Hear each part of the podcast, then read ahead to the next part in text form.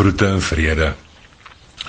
My naam is Haie Kronje en ek in die mooiste mooi woon hier aan die Kalahari kant van die land. Ou vriend. Die 9de versie in die Nuwe Lewende Vertaling se Spreuke 27 sê: Eerlike raad van 'n vriend is so aangenaam soos parfuum en so heerlik soos wierook. Die spore van die genade waar se breë bande lê vandag so bietjie dieper as gewoonlik in die sanderige tweespoorpaadjie. Miskien is dit maar omdat hierdie winter se koue dalk so 'n bietjie dieper as gewoonlik sny. En dis wat ek gedink het by die uitklim om die mooiste mooi te help met 'n moedbreek ek. Dit is Woensdag. En ek en die mooiste mooi het besluit om weer 'n slag op 'n spesifieke beleggingsplaas en sy mense te gaan oorstaan. Skaars het die genade was staan langs die groot wit tandlyn gemaak toe bibberkoelte van klip tot klip skuif om later aan die hele werf met sy yskoue arms te omvou. Terselfdertyd kuier kuier 'n klompie kaalnek plaashoender stadig aan na hulle slaapstallasie. En soek soek word daar lusteloos rondgekrap na 'n laaste pikseltjie. Die som totaal van die drietal vrouens op die beleggingsplaas se groete spontaan en dis warm en is gemoedelik. Hulle opregtheid is eg want elkeen is op haar eie unieke manier dankbaar bly vir die oorstaan. Al lagend en skertsend word ek in die mooiste mooi soos hartsvriende om die beurt lank en styf omhelsing gedruk. So al asof ons vir altyd hier by hulle moet bly. 'n Rukkie later sit almal snoesig met uitgestrekte arms en hande om 'n klein vuurtjie. Gelukkig is dit windstil, want die koue suidewindjie het al met sonsaktyd gaan slaapplek opsoek. Vredevol en salig is dit voorwaar. Hulle bestook ons egter met vrae betreffende ons persoonlike welstand en ook oor ons doen en late en natuurlik wat alles tydens die laaste klompie voorwêreldtoere gebeur het. So antwoord en vertel ek nie mooiste mooi al om die beurt. Die lekkerste is natuurlik om te laat loop oor Vader se seëningland. Veral as sy goddelike warmte ander se bibberkoue laat verdwyn.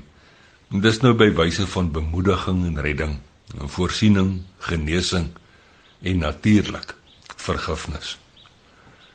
As daar so gekuier en vertel word van die Skepper, die Kerelkind en die Heilige Gees se doen dinge, is dit gewoonlik grafstil.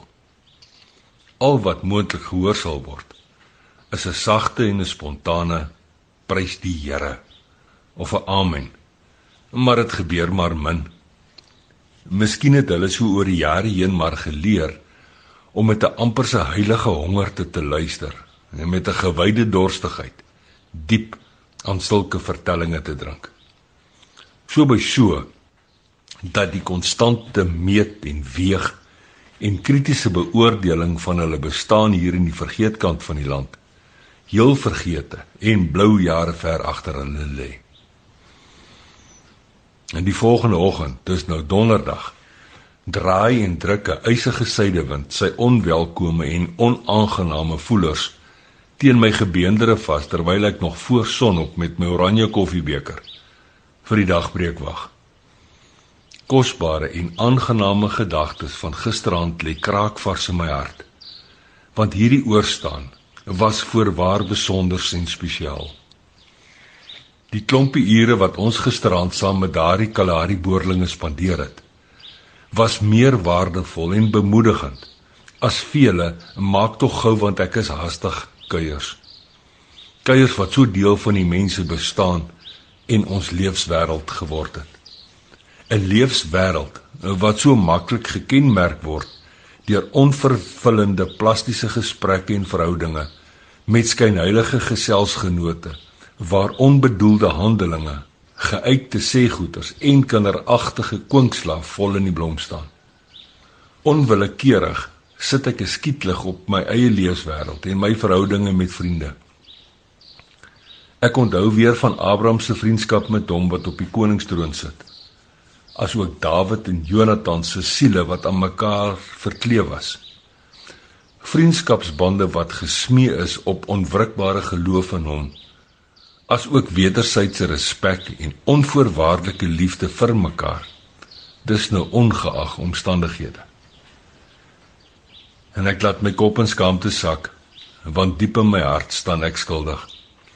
Skuldig teenoor hom en skuldig teenoor my vriende want sien soms wankel my geloof en soms is ek nie eerlik, opreg of eg in my handelinge met my vriende nie. Die Skepper belofte staan vas dat hy sal vergewe as ek vra en ek het sommer net daar.